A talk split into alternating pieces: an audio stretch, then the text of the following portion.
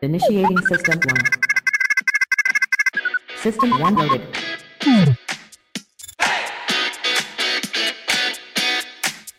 Ben je nou zo dom of is het niet? Waarom stel je dan deze vraag? Ben ik nou degene die zo slim is of ben jij zo dom? Nu ben ik weer de, de, de arrogante klootzak, de autoritaire klootzak. Ja goed, als je het niet begrijpt, sorry. Ho maar, ik heb het goed verwoord. Je mag het omschrijven, je mag nog je commentaar erop geven. Maar dat zijn allemaal domme vragen.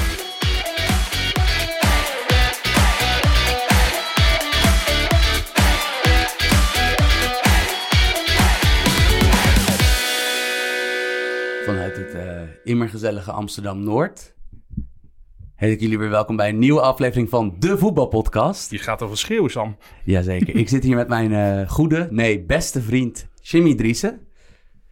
Oh, ben ik gepromoveerd tot eh, beste vriend? Ja, Nou, Hi- hier en nu Hey Sam. kan je in, in je zak steken. Ik ben Sam Planting, welkom.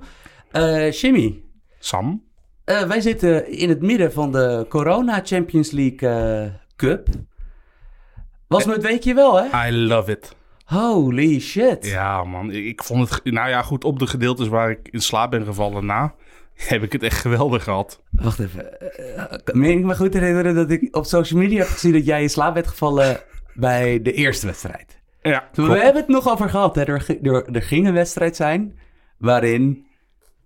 Er sowieso nog echt een late twist zou komen, inderdaad. eh, zoals bij bijna al onze voorspellingen altijd het geval is, zaten wij grondig mis welke wedstrijd dat was. Nou ja, we zaten sowieso heel veel mis qua uitslagen en zo. Dus, eh, Zeker, zeker. Jij, had eh, Barcelona op doorgaan. Ik had City eh, op, een, Nee. op een coole 6-1 eh, overwinning ingeschat. Dus ja, die veren mogen we weer in onze toy steken. Godverdomme, wat een deceptie is dat weer, zeg. Eh, Eigenlijk snappen we er ook helemaal niks van. Laten we even kijken hoe de eerste halve finalist. Want eh, deze podcast komt uit op dinsdag. En dan hebben we dus dinsdagavond en woensdagavond eh, de halve finales. En dan de finale is op. Zondag. Oké. In de tussentijd, wij gaan nog voor de finale nog een extra podcast opnemen. Dan gaan wij, daar gaan wij denk ik eh, zowel de Champions League als de Europa League finale ehm voor beschouwen. Ja. Maar we houden het nu even bij de Champions League, want eh daar was eh, genoeg te bespreken. Die, de eerste halve finalist die duidelijk werd, was Paris Saint-Germain. Ja, in de 90ste minuut, ja. Ja, en dus jij was ondertussen al lekker zetjes aan het maken. Heb je het later nog teruggekeken? Ja, nou, ik, ik werd wakker gemaakt door mijn vrouw. Ik lag al met mijn telefoon in bed. En mijn telefoon stond nog aan. En toen zag ik ineens allemaal juichende Paris Saint-Germain spelers. Dus ik denk? Ik zeg, ja, heb je niet gezien? Ik zeg, eh, hoezo, wat dan? Ja, Paris Saint-Germain heeft gewonnen. Ja, de, dit is de voor eeuwig de Choupo-Moting-wedstrijd. Ja. Toch? Ik denk wel... De speler die, waar zijn contract van afliep en eigenlijk nauwelijks gebruikt werd. Maar omdat Cavani ook wegging, ze hem toch maar hebben gehouden. Ja, sowieso een last-minute eh, aanwinst ooit. Een gratis aanwinst. Ja. Dus echt een van de weinige spelers die Paris Saint-Germain heeft gehaald voor eh, de breedte van de selectie. En nu miljoenen waard is geweest voor Paris Saint-Germain. Zeker. En, eh, en ook al die tijd was hij toch altijd een beetje een punchline van een grapje. Van dat Choupo-Moting. Dus door veel mensen, ook de mensen die de Bundesliga wel volgden, toch een beetje gezien als een beperkte of in elk geval fysieke speler, maar meer niet.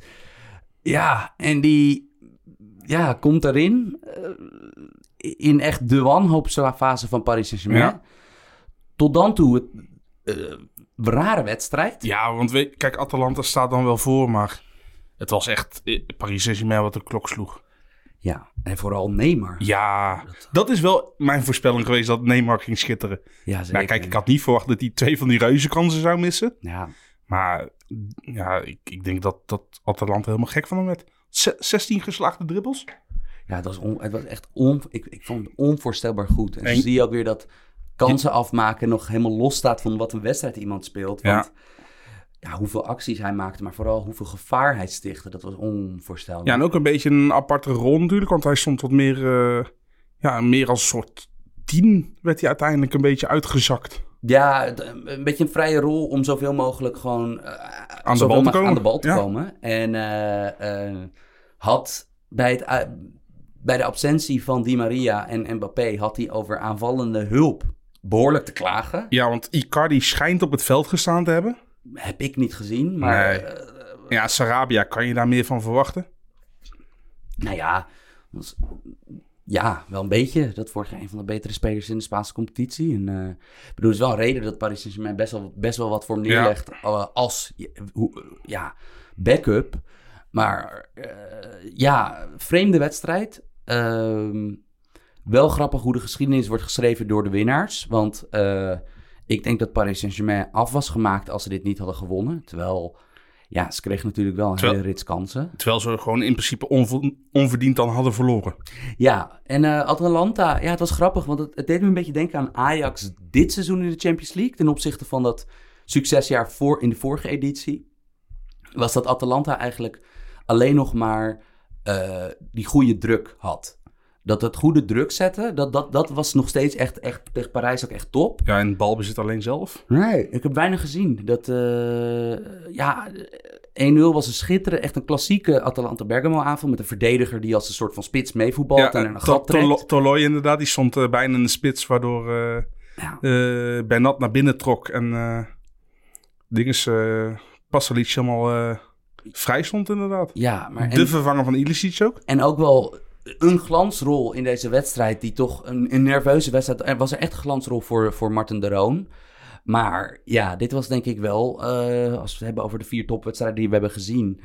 Dit was wel de wedstrijd waarin één individu de boel naar zich toe trok. Ja, en, en kreeg uiteindelijk ook nog wel hulp van Mbappé. Ja, en dat.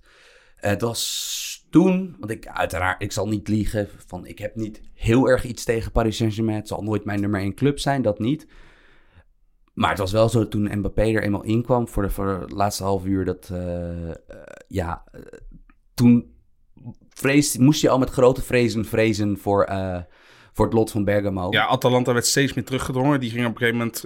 kijk, ze spelen normaal een beetje dat 3-4-2-1. Maar ze werden eigenlijk gewoon teruggevallen... waardoor er en, bijna geen middenveld meer was. En er stond niemand meer voorin. Nee, en eh, ook nog eens in alle consternatie, Papu Gomez viel geblesseerd uit.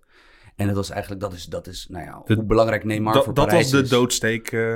Nou, weet ik niet, want ze waren er natuurlijk bijna. Ik bedoel, kijk, ja, e- één geslaagde tackle hier, e- ja, één stapje ze, naar voren ze waren daar er bijna, je maar dat, er. dat vertelt wel maar de helft van het verhaal natuurlijk. Ja. En ja, de slotfase, eh, het waren lelijke, het waren echt klassieke slotfase goals.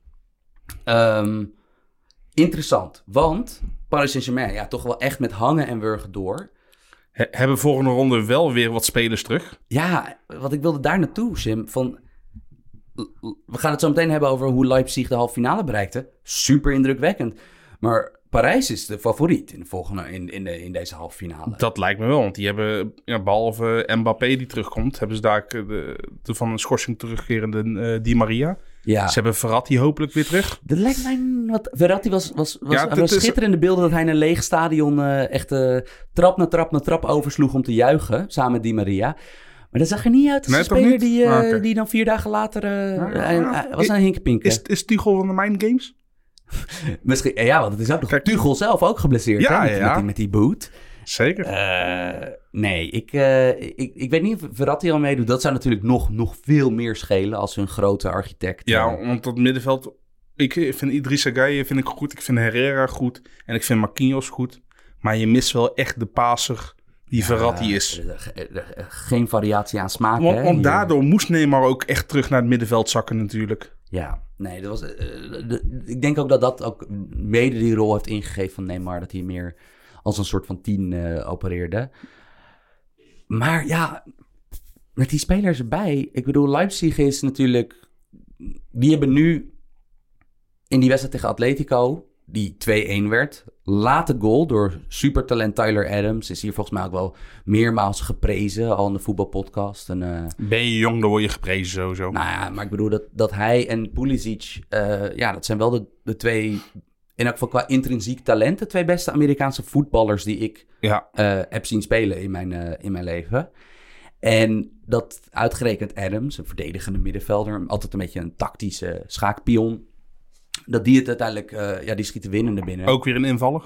Ook weer een invaller en die doet dat een paar minuten voor tijd. Maar deze wedstrijd was net, had natuurlijk verdiende echt maar één winnaar. Dat was, dat, Ja. dit was vanaf begin tot eind was dit een Leipzig-wedstrijd. Ja, en, en de belangrijkste man daarin vond ik, behalve Upamecano, die werd door iedereen geprezen. Maar Leimer vond ik ook zo belangrijk. Ja.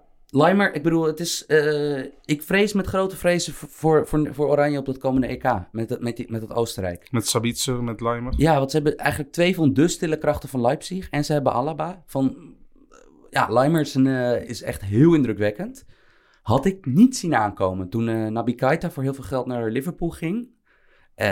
En Demme bleef over. Nou, die is ondertussen ook naar Napoli. Maar Napoli deed daar ook goed. Hè? Ja, en ik denk eigenlijk dat hoe goed dat eerste topduo op het middenveld was van Leipzig, dus Demme Keita, ik denk dat wat ze er nu belopen beter is. Dus wat, ja, het was met Leimer en, en, en Kampel. Ja, dan heb je Sabitzer nog ervoor een beetje spelen inderdaad. Ja, want ze speelden.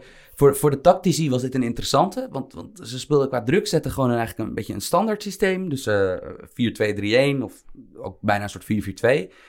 Eh, maar in balbezit was Leimer. Eh, ja, die, die, die, die, die, die schoof een soort van tussen de linies Het door. was gewoon een middenvelder. eh, ja, nee, en werd ook een soort van rare, een soort van halve wingback. Ja. En eh, ja, interessant systeem weer. en Carrasco wist niet mee wat hij ermee moest doen. Nee, en het, het was grappig om te zien dat, dat, dat Nagelsman had dus echt... Dat meestal zijn de, de tactische foefjes van Leipzig zijn aan de kant waar de tegenstander de bal heeft. Omdat zij toch altijd heel leuke manieren vinden om druk eh, gezet te krijgen op de tegenstander. Zij, en zij kijken altijd naar de bal. Maar ik denk dat deze wedstrijd tegen de kampioenen van het initiatief gunnen aan de tegenstander. Want ik bedoel, Atletico gaat nooit een wedstrijd zelf aan de bal bepalen. Leipzig liet gewoon zien, eigenlijk net zoals in die ronde tegen Tottenham, dat ze aan de bal ook een heel bijzondere ploeg aan het maken zijn. En dat het nog ineens de individuen zijn. Terwijl er zijn plenty individuen daar die super zijn. Nou, je noemde Upamecano al. Nou, nu heeft de hele wereld heeft nu op dit podium Ja, dit, dit is wel een, zijn eh, definitieve doorbraak, ja, toch? Ja, Ja. ja. zeker. Dit is een beetje hetzelfde als toen Varaan voor het eerst in de basis bij Real in zo'n grote wedstrijd stond. Dat iedereen opeens ziet van, oh shit, van, die is zeg maar echt goed. Ja.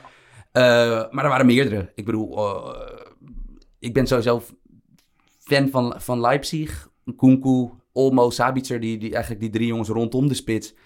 Vind ik allemaal heel dynamische, eh, moderne voetballers. Maar dat gezegd hebbende, ik denk, het zou me niks verbazen dat Leipzig weer het betere van het spel heeft tegen Parijs. Maar ja, er zit wel risico in dat spel. En Ja. eh, ik heb een beetje het voorgevoel dat Parijs gewoon heel klinisch, dus op, op individuele eh, ja, klassen van die, van die drie supersterren, dat die Ja, toch... Paris Saint-Germain hoeft niet in de wedstrijd te zitten. Nee. En, eh, maar het grote is, eh, gevaar is voor Red Bull, van, als een razenbalsport. Als Paris Saint-Germain zich wel onder die druk uit weet te Ja, je, je, zag, je, je zag tegen Atalanta van wat voor kansen er Ja, dan... En dan met dat trio voorin. Ja, ja. ja Maar goed, hey, we, hebben, we hebben Leipzig al volgens mij al vele malen afgeschreven. Toen Werner verkocht werd aan Chelsea, zeiden we al van ja, die liggen eruit. Atletico in vorm. Mm. Maar ja, is Nagelsman niet gewoon een grote ster? Nagelsman is de ster, maar Ja. ook wel... Ja, Is, is, is jonger dan Messi en Ronaldo, hè? Nagelsman. Dat, vergeten, dat is bizar. dat, Dat, dat vergeten mensen nog wel eens, inderdaad. Maar ook wel die individuen die we er net allemaal opnoemden. Voor, voor, de, voor de gemiddelde voetbalkijker, zelfs die veel buitenlands voetbal kijkt, zijn dit toch altijd nog een beetje abracadabra figuren bij Leipzig. En Ja. was, was Werner dan echt de uitzondering. Ja. Ehm, maar dit zijn allemaal jongens die, en daar hebben we het wel in de preview over gehad. Er zijn heel veel jongens bij dit Leipzig die echt nog wel een, eh, Een stap gaan maken. ja, o- of gewoon bij, of bij Leipzig, maar die een tijd niet uit de top weg te slaan zijn. Ja, zo'n Nkunku en, eh, en Dani Olmo zijn ook gewoon talenten die iedere topclub in zijn boekje heeft staan. Ja, en wat wel interessant is aan die volgende wedstrijd is dat Leipzig heeft zich heel erg gespecialiseerd in de Franse markt. Want ze hebben dus met die Upamecano, nou die speelde. Je hebt, geloof het of niet, maar je hebt er nog één daar lopen die eigenlijk even goed is. Konaté, die is nu Ja, geblesseerd. geblesseerd. En je hebt nog een geweldige rechtsback eh, genaamd Nordi Mukiele. Die, ik- die ik terug verwacht in de komende wedstrijd. Want ik denk dat Leipzig wat andere tactiek gaat hanteren. Ja, ja, want Kloosterman is natuurlijk wat meer geschikt voor eh switchen van vier tussen, tussen drie verdedigers en vier verdedigers. Want die kan zowel centraal als rechtsback. ja. ja, en en- en Mukiele is er toch wel iets, iets anders in, inderdaad. Ja, en, en Koenko natuurlijk tegen zijn oude ploeg. En daarnaast, een Kunku die uit de jeugdopleiding van Parijs komt. Het is natuurlijk wel zo dat in een ander scenario spelen al deze jongens, dus echt de, De- van al die Franse toptalenten, echt het neusje van de zalm, spelen die niet in Oost-Duitsland, maar gewoon in Parijs. Ja, En dat is natuurlijk wel, Je hebt het nu weer met het volgende wonderkind, het Parijsjeugd. Die eh, is nu naar Saint-Etienne vertrokken Ja, deze zomer. Eh, het zou natuurlijk wel hilarisch zijn als Leipzig dit wint met een hoofdrol voor, voor die Franse jongens. Gunko is wel van de assist geven, dus hey, Het, het was dit jaar, het was, is hij niet uitgeroepen tot middenvelder van het jaar in Duitsland? zou kunnen. Of in ieder geval grootste talent op het middenveld kan ook. Ja, of, of beste, beste, hij had een prijs gewonnen voor Rookie hoe of goed the hij, year eh, of ja, zo, voor hoe ja. goed hij dit seizoen was. Goed. Ja, maar interessant. Dit is, dit is denk ik tot... Dit is denk ik de interessantste wedstrijd in dit toernooi, Ja, toch? en ook natuurlijk, je kan hem ook een beetje spiegelen aan eh, leerling, eh, leerlingmeester qua Tuchel en Nagelsman. Tuchel heeft natuurlijk eh, Nagelsman als speler onder zich gehad. Ja, en het zijn de twee filosofieën van hoe je een club op dit moment runt. Van, nou ja, doe je dat gewoon simpelweg door En- financiële macht? Precies, of door eh, go- ja, goed naar talenten te kijken en een speelvisie te ontwikkelen. Ja. Ja, ik, ik ben toch echt... Jimmy, ik blijf erbij. En ik, ik weet dat, dat, dat Red Bull echt een... Razenbal. Of, of die sport... Nee, maar, nee, nee, nee, maar die sportdag van Red Ja. Bull is heel actief altijd bezig met kijken waar hun volgende project natuurlijk komt. Of, Ja. Want ze hebben er natuurlijk een in, groot in New York. Ja. Ze hebben er... eh, In Brazilië, Bragantino hebben ze. Zeker. hebben- Australië. Salzburg hebben ze dan. eh, en ze hebben nog FC Liefring. Van Ja. eh, de satellietclub van Salzburg. Ik ben toch echt benieuwd hoe dat er zou uitzien in Ne- Nederland. En dan, dan kom je al snel uit bij van, nou, Ja. wat zijn clubs met een enorm achterveld? Snap je, of waar, eh, met een potentieel achterveld, want er moeten natuurlijk wel fans naar het stadion komen. Almere. Almere bijvoorbeeld, dacht je van NEC, dacht je Ja. van MVV. Maar goed, dus, eh, de, de wet en regelgeving verbiedt het natuurlijk. Dat, ja, maar dat ze zich erin ja, mengen. maar- Omdat ze nog andere clubs hebben. In Duitsland is dat natuurlijk, zijn, er, zijn er ook bepaalde harde wetten best wel goed omzeild. Ja, maar ik snap niet in hoe ze deze kunnen omzeilen. Want een, ze mogen niet ook een aandeel bezitten van andere clubs van de UEFA. Ja, Daarom mag een Gazprom bijvoorbeeld wel iets in Duitsland doen, bij Schalke. En bij Zenit, maar niet in Nederland. Ja, en dan is het de andere logische vraag natuurlijk: dat waar is het geld te halen qua landelijke competitie in Europa? Dat is de Premier League.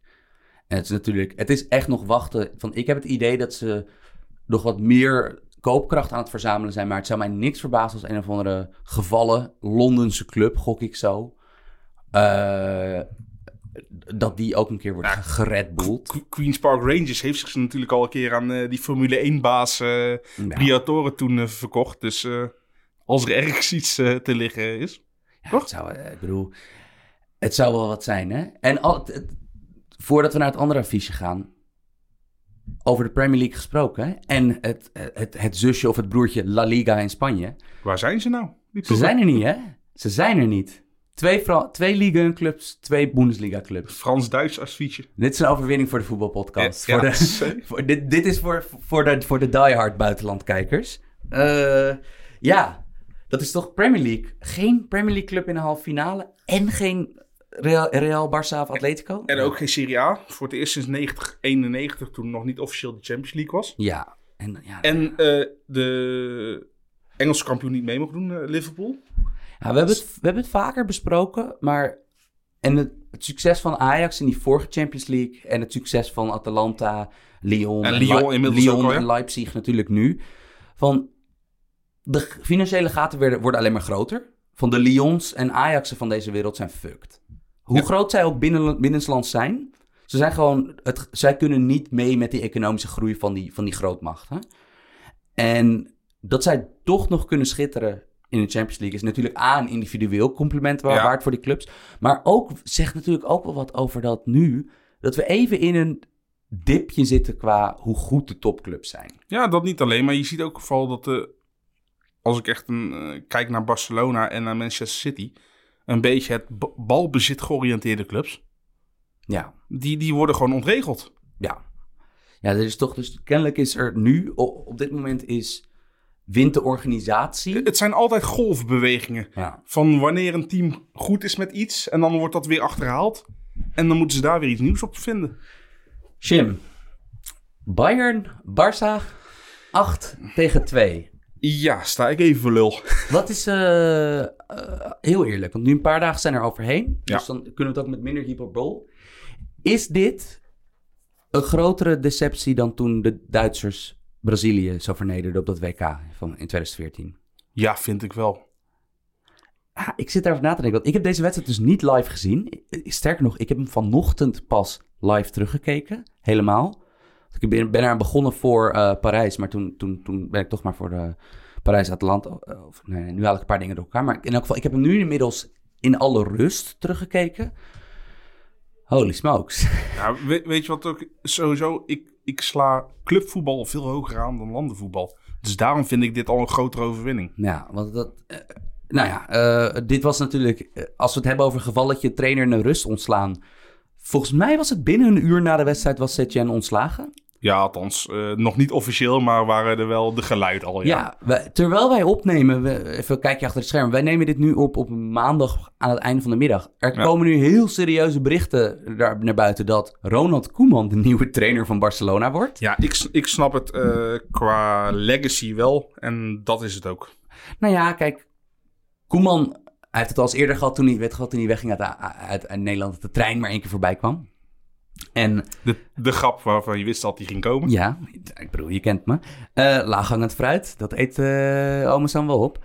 Maar Niet alleen fruit. ik denk dat Koeman zoiets heeft van... Nou ja, dit is mijn kans om het te Ja, worden. het is wel zijn droomclub en hij heeft, Ja. hij heeft er nooit een geheim van gemaakt en in andere tijden van, snap je... Wanneer het wat beter met deze club gaat... denk ik dat, denk ik dat deze vacature er niet telkens open ligt. Dat ze niet telkens een nieuwe trainer zoeken.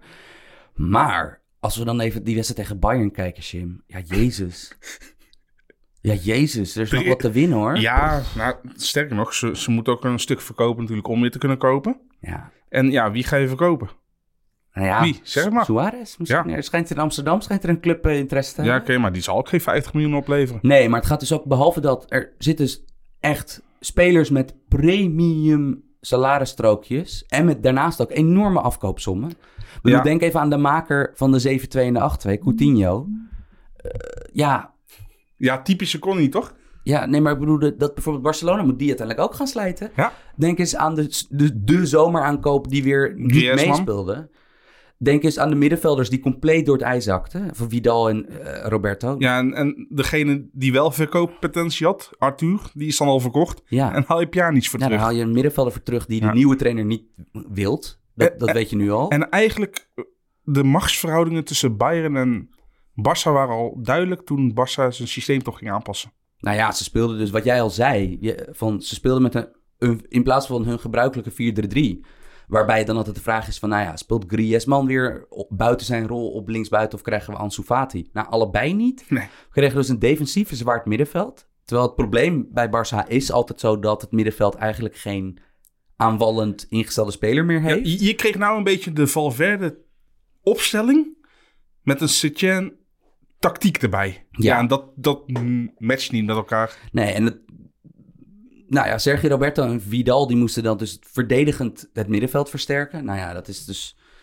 Ik denk dat, verdedig, dat Barcelona nog ineens aan verdedigen is toegekomen. Want het ging daarvoor al helemaal mis. Van, tegen die druk van Bayern is deze opbouw gewoon ooit, laten we zeggen, echt niet zo lang geleden, vijf, zes jaar geleden, echt by far de beste, eh, eh, de beste spelopbouw in het clubvoetbal.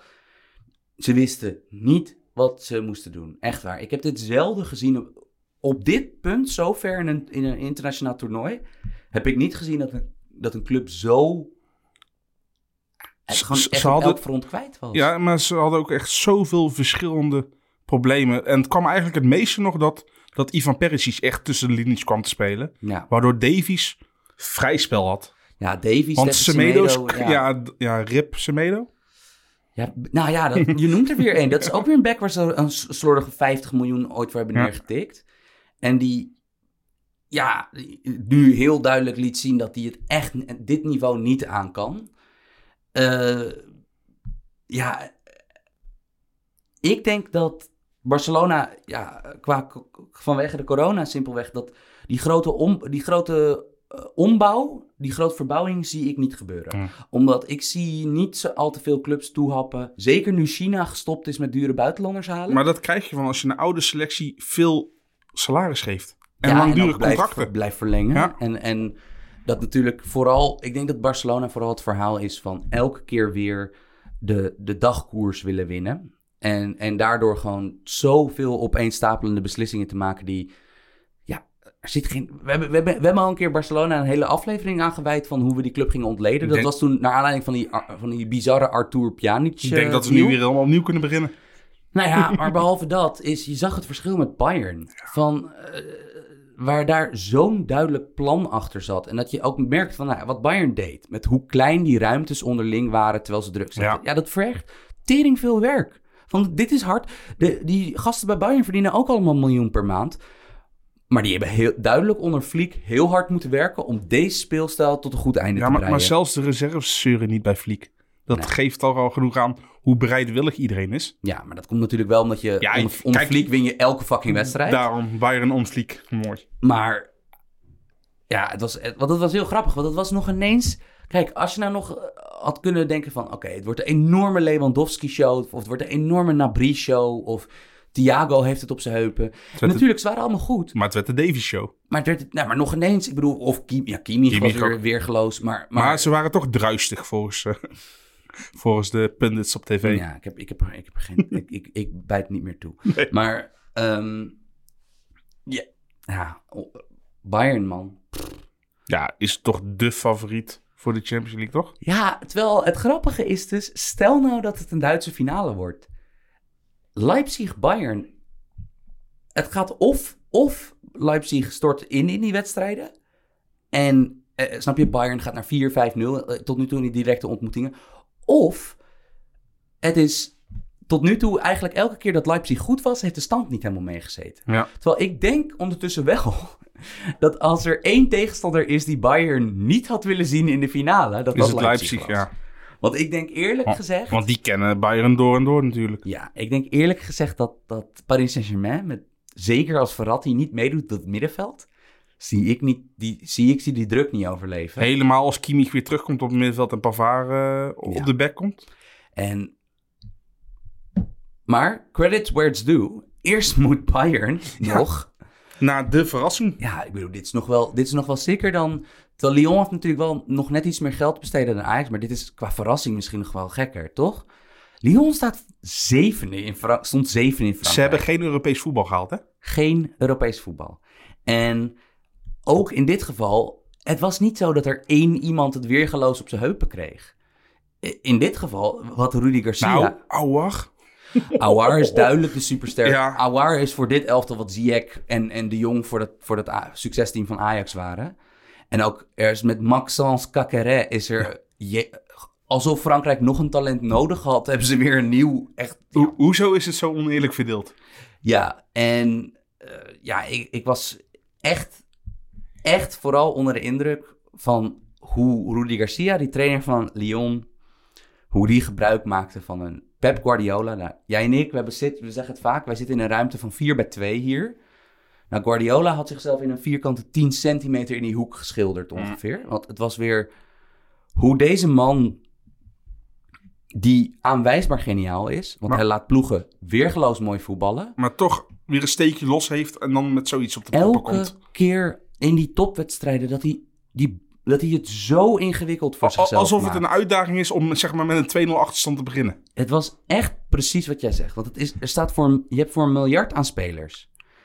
En dan ga je uiteindelijk, kom je, terwijl je, je speelt de Premier League de afgelopen jaren aan gruzelementen met een aanvallende 4-3-3. En helemaal eigenlijk, kijk, Liverpool deed het geweldig. Maar als je inderdaad naar de onderliggende cijfers kijkt dit jaar, was City niet veel slechter of beter dan, Dat jaar dan, daarvoor. Liverpool, ja, en, dan het- Liverpool dit jaar. Ja, en, en En dan ga je de, de belang... Want ja, iedere wedstrijd is nou de belangrijkste wedstrijd natuurlijk. De eerstvolgende. ja, Met, maar bij eh, City was het natuurlijk... maar- ze, die wisten al in november dat ze tweede gingen worden in de Premier Precies. League. Dus je, je hebt alleen dit om naar uit te kijken. Ja, en die hadden ook niet het financiële excuus van dat ze geen... eh, En ja, Guardiola die voor een 3-4-3 gaat, maar waarbij hij dus...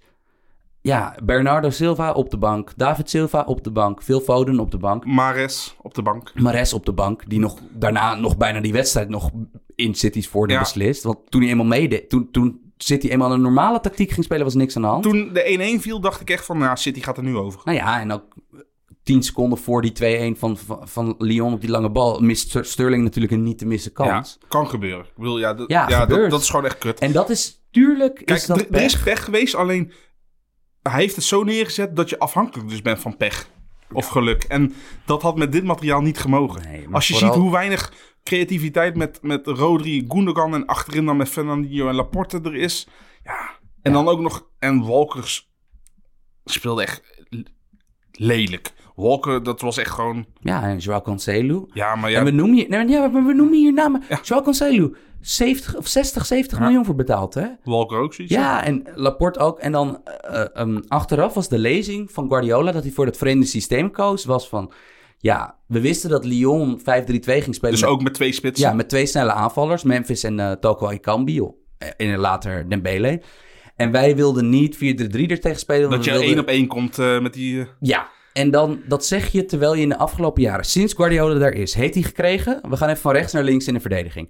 Walker, Cancelo, Stones, Otamendi, Laporte, Mandy. Hij heeft dus, wat is het? Zes, hij heeft zes van de 15 duurste verdedigers ooit gekregen in dat elftal. En dan piepen over dat je niet het juiste spelersmateriaal Ja. hebt. Ja, Dan- rot dan ben je een af. eind Ja, nee, op. dan ben je ja, af. maar rot een eind op. Van Ja. Dat is gewoon van... Dat, en ik snap niet dat deze man, die aanwijsbaar ploegen mooier kan laten voetballen dan alle andere ploegen, dat die dan na zo'n wedstrijd niet gewoon, ook al meen je het niet, zeg gewoon van ja, het volledig aan mij te danken. Ja. Volledig, aan mij, van, volle- volledig aan mij te wijten. Want ik snap het gewoon niet. Dat, Ja. Toch van, Ja, en City wordt nou onder eh, Lyon wordt nou onder andere een angstgekner voor, eh, voor eh, City. Helemaal Cornet. Die scoort altijd tegen ze. Ja, ja. en echt heel knap van Lyon. Er zitten een paar geweldige spelers bij. Maar Ze waren ook vrij effectief, dat zeker. precies. Maar- ze hadden te maken met een keeper. Wederom een Eder- snoeidure keeper, Ja. Ederson. Die...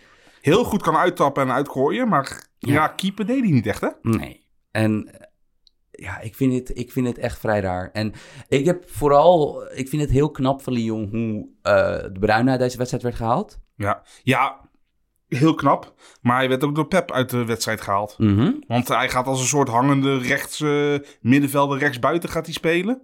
Ja. En ze kregen de bal niet bij hem. hè? Nee, ja, gek hè, met dat middenveld ervoor. Ja, het was, het was echt, echt, echt heel vreemd. En ik- kijk, ik snap het ergens wel. Want Guardiola is natuurlijk altijd van aanvallend voetbal. En dan is de volgende vraag dat als je aanvallend voetbal speelt met de beste aanvallende spelers, of dat nou Messi bij Barcelona is, of uh, uh, uh, Neem, neem maar bij PSG. Ja, of Douglas, of neem ik zit even te denken aan alle individuen die zo'n, die zo'n Guardiola heeft gehad. Dus Ja. Gua- Douglas Costa of, uh, of zo bij, bij Bayern München, of dus nu Kevin De Bruyne. Van... Zijn tweede gedachte is dan van, oké, we spelen aanvallend voetbal en we hebben al die balbezitstrucs die we, die we kunnen doen om de bal eeuwig in die, in die ploeg te houden, de eeuwige rondo. Maar hoe verdedigen we? En dan gaat hij dus altijd, dan is het sleutelwoord controle. Ja, Maar dus balbezit. dan, dat er dan toch op de momenten dat het het do- doet, dat deze ploeg die echt verschrikkelijk goed aanvallend kan voetballen en echt 6, 7 goals op iedereen kan plakken, dat hij dan elke keer in wedstrijden dat, dat, dat het er omspant, en dat zijn dus elke keer die knock-out wedstrijden in de Champions League, dat hij dan elke keer opeens in die schildpadreflex duikt van, maar zo, zo- ja, we moeten vooral, we moeten vooral verdedigend denken. maar zo'n Lyon vond dit toch ook prachtig dat, dat Manchester City lekker de bal wilde hebben? Ja, wat stel je voor? Dat, stel je voor dat het, dat, het dat het Ajax was geweest. Of dat PSV was geweest. Die, in, die, snap je, op de een of andere manier de kwartfinale Champions League hebben berei- bereikt. Dan tegen City komen te spelen. Dat je die loting ziet en denkt, oh, fuck. En dat je er dan achter komt, ja, oh, ja, weirdly zijn ze op een manier, zijn ze gaan cirkelredeneren dat wij, wij, gigantische underdog, dat wij te vrezen zijn. En dat zij dus, nou ja, maar twee, twee- eigenlijk twee aanvallende krachten eraf, eraf Als, houden. als grootmacht pas je aan aan het klein duimpje. Ja, het is, het is echt fascinerend. I het know, is I echt know. fascinerend. Maakt voetbal wel weer leuk. Ja, eh, tuurlijk. Ik bedoel, dit was natuurlijk een En- en- spektakelwedstrijd. En het, het scheelt, kijk, we hebben het al eerder gezegd, dat het één wedstrijd is, scheelt nou ook wel. Hè? Want ik bedoel, wie weet dat City en Pep in de tweede wedstrijd wel iets kunnen Ja. omdraaien. We weten het nooit, maar Tuurlijk creëerden ze genoeg kans om deze wedstrijd te winnen. Maar ja, klein duimpje, snap je? Klein Ja. duimpje gaat alleen maar op deze manier door. ja, En ja, nou ja, wel inderdaad, Houssem Aouar was eh, eh, tamelijk geniaal. zeker. Grappig genoeg, Memphis was niet heel zichtbaar deze wedstrijd. Nee. Eh, deed heel braaf zijn werk met... ja, met, maar, met- maar Lyon heeft ook gewoon niet veel aangevallen. Nee. Dus ja, het waren vuile meters die ze moesten maken. En, en, en vooral toekijken hoe de bal niet werd gespeeld naar ze. Ja, en Wat, wat leuk is, is dat zowel een in Nederland verguisde verdediger, Marcelo, Marcelo, als een in Engeland uitgelachen verdediger, De Naaier, de naaier. die waren wel goed. Ja, maar ten eerste, spelers kunnen beter worden. Shocking. Ten tweede, ja, elke speelstijl is weer, weer anders voor, voor, je- voor jezelf. Als, als jij in zo'n driemans, vijfmans verdediging goed kan gedijen. Ja, in Nederland moet je dat niet proberen, althans tot voor kort. Daar, moet je, daar moeten verdedigers vooral eerst iets met de bal kunnen. En daarna moeten ze misschien kunnen verdedigen. Ja, dat hoeft bij Lyon helemaal niet. Ja. Ja. En, eigenlijk afsluitend over deze wedstrijd, leuke cameo voor Kenny Teten. Ik was hem, ik was hem echt een beetje vergeten. Dat, eh Ja.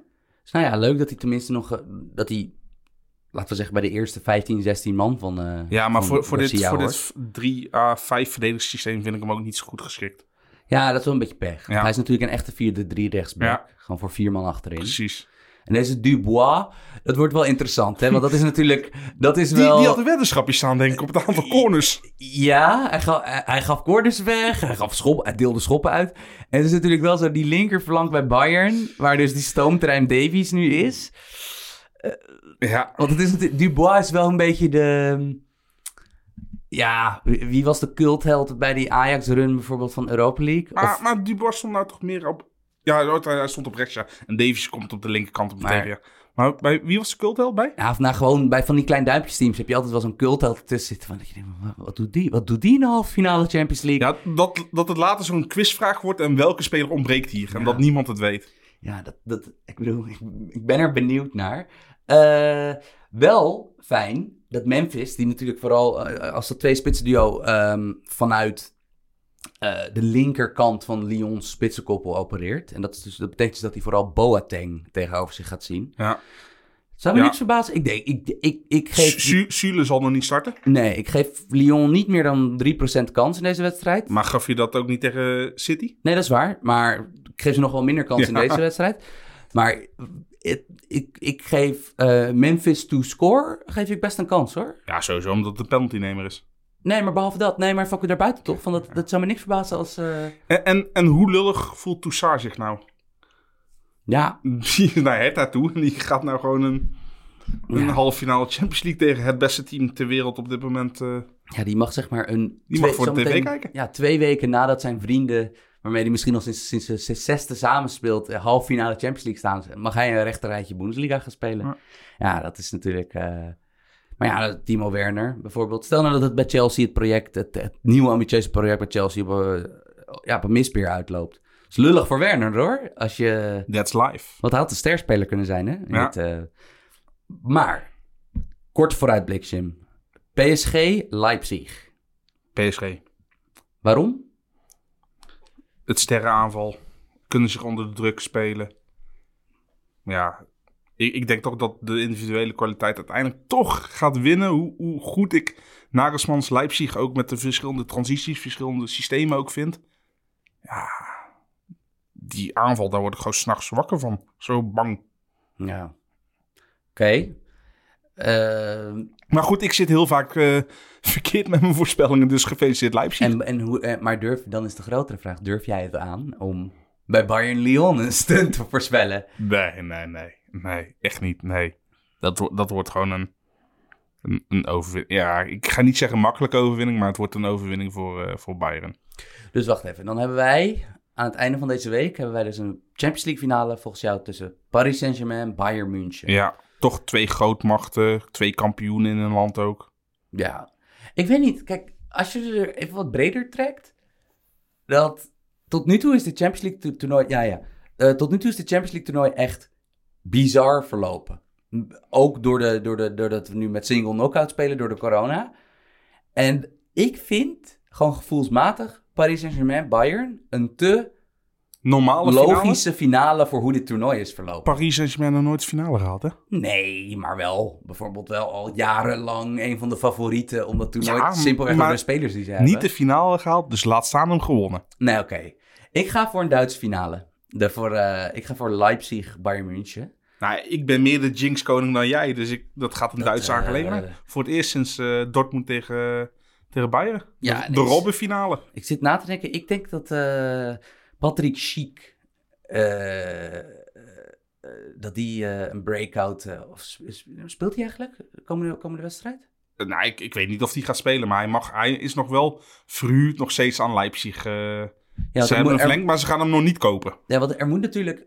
Er moet altijd zo'n... zo'n Nu Zo- Werner weg is, Ja. moet er een Choupo-Moting Ja. ergens zijn.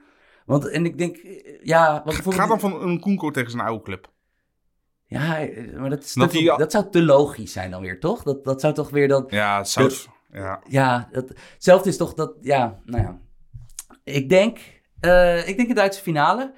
Maar het zou natuurlijk... eh, dus dan zul je net zien dat, dat we PSG Lyon krijgen. In elk geval... Nou, die hebben we pas geleden nog gezien met de, met de, met de Franse bekerfinale. Was niet echt een heel leuke wedstrijd. nee, daar zag je ook niet echt die, die, die aanstaande Champions League stunt in terug Nee. bij Lyon, hè? Van, Nee, ja, goed. En ze hebben in principe ook verloren... Die wedstrijd hebben ze ook gewoon verloren van Juventus. Maar op onderling resultaat zijn ze beter gegaan. Ja. Want was, was dit wel een single knockout, dan lag Lyon er gewoon uit nou, hoor. Ja, jezus. Althans, als niet die 1-0, maar die 2-1 zou tellen. Je begrijpt me wel. Ja, nou ja. Maar ik, ik, ik, ik, ik vind het gewoon weer leuk, het voetballen. Ja, Lyon in Ja. de halve finale. Ehm Koeman bij Barça. Ja, Dan zou Suarez naar Ajax de volgende kunnen. Dat zou, dat, dan leven we echt in een twilight zone hoor. Messi naar City. kijk, Waar moeten ze hem kwijt? kijk, luister, onze, onze hele complottheorie. Messi naar Juventus, eindelijk Ronaldo en, Ju- en Messi samen. Ja, dat zou, Dat zou wel echt, dat zou wel, dat zou wel een Juventus move zijn. Ja, Ja, en dan gaan ze Dybala wegdoen. En dan halen ze Messi. Ja. En dan groeit Dybala uit tot een nieuw Messi. Terwijl Ja. Messi ondertussen op is op de Italiaanse velden. Zou dat niet gewoon, gewoon alles weer kloppend maken? Even Zal dat gewoon weer niet de wereld resetten? Voor mij was de conclusie deze week, behalve dat voetbal geweldig is, is van, wat een, gewoon, Messi verdient beter, punt. Ja, maar we, we, we hebben het al veel te vaak over Messi. Daar gaan we het gewoon nou niet meer over hebben. Ik, ik ben Me- Messi moe. Hoe goed hij ook is, ik ben Messi moe. Oké. Ja? Helemaal goed. Zal die hiermee laten? Zeker. Nou, wij zijn, eh, zoals eerder gezegd, gaan wij deze week nog een keer opnemen. Vandaar een iets kortere podcast nu. Eh, check ons weer eh, op de socials. Althans, we hebben volgens mij alleen Twitter. Voor de rest doen we toch niks. We zijn niet zo aanwezig op de gram. Ja. Moeten we toch een keer gaan proberen of zo. Nee, Ja. nee laat ons maar lekker op Twitter zitten. Eh, volg ons daar, het voetbalpodcast. Eh, ja, we willen zelf kicken weer bedanken, denk ik. En, en een shout-out doen. Shout-out Ederson, slechtste keeper ooit. Shout-out Hawkeye.